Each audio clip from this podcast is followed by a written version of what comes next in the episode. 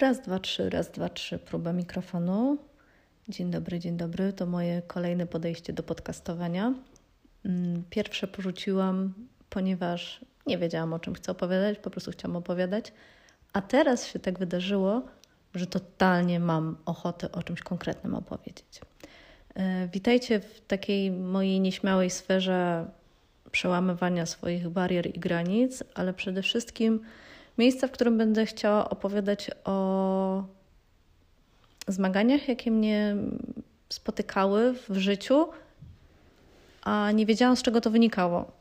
I, I teraz całkiem niedawno zostałam obdarzona diagnozą, że jestem szczęśliwą posiadaczką ADHD. I poza tym, że z automatu obdarzyłam się ogromną empatią i totalnym, bezwzględnym samoprzebaczeniem, to nagle, wiecie, tak dostałam flashbacków 100 tysięcy 8, no nie wiem czy jest taka liczba, jeszcze raz spróbuję, 100 tysięcy 38 różnych wspomnień i nagle wszystko stało się jasne. I teraz mam takie odczucie, przekonanie, że chciałabym poopowiadać o, o tych różnych moich sytuacjach, które z grubsza mogę nakreślić, że oczywiście było dużo wspaniałych chwil, no bo na tym polega życie, ale błąd na błędzie, za błędem, błędem goniony. I naprawdę nie wiedziałam, jakby skąd to się bierze, i zawsze jak impulsywnie coś robiłam, to potem jak ostygłam, to sobie zadawałam pytanie: Leo, why?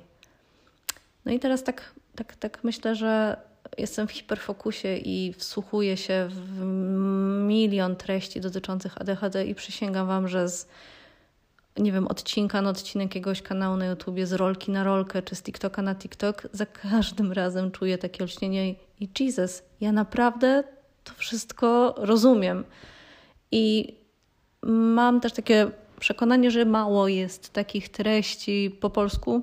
Mm, nie będę nikogo ani diagnozować, ani pouczać, ani wymądrzeć się, ale mam ochotę, naprawdę mam szczerą ochotę opowiadać o swojej perspektywie, bo wydaje mi się, że jeżeli ktoś będzie po, po, potrzebował posłuchać kogoś innego z podobnym, nie chcę używać słowa na Z, czyli zaburzeniem, bo to nie jest zaburzenie, jakby trzeba, trzeba wiedzieć, że to jest trudność, ale też jest masa pozytywnych aspektów dotyczących e, tego funkcjonowania w inny sposób naszego mózgu.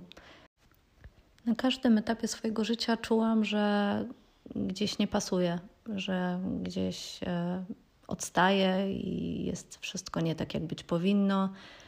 I zapewne znacie to uczucie, że obwiniamy wtedy sami siebie. I w związku z tym, że już nie chcę tego robić, to myślę o zrobieniu właśnie takiej przestrzeni, gdzie swobodnie będę mogła opowiadać o tych absolutnie bzdurnych sytuacjach, które się wydarzyły w moim życiu, żeby ktoś, kto ma takie podobne poczucie, że się nie może gdzieś odnaleźć, to żeby właśnie w tym miejscu znalazł miejsce dla siebie do posłuchania, że nie jesteś sam, sama. E, jestem totalnie natchniona podcastem Olgi, która prowadzi ADHD dziewczyny i totalnie jestem zakochana w tym podcaście, bo jest tam tyle wspaniałych kobiet, które mierzą się z różnymi sytuacjami i naprawdę one wszystkie mają tak wspaniałą wyobraźnię i tak wspaniałe spojrzenie na życie. I to jest takie uwalniające wiedzieć, że nie jest się samemu. I zrozumiałam, bo miałam taki czas mocnej dysocjacji, że ja chcę być sama, ja się odetnę od ludzi, ja sobie sama ze wszystkim poradzę. Bo po co mam być wśród ludzi, którzy mnie nie rozumieją, a mam książki, mam internet, mam Netflixa, jest super. Ale nie.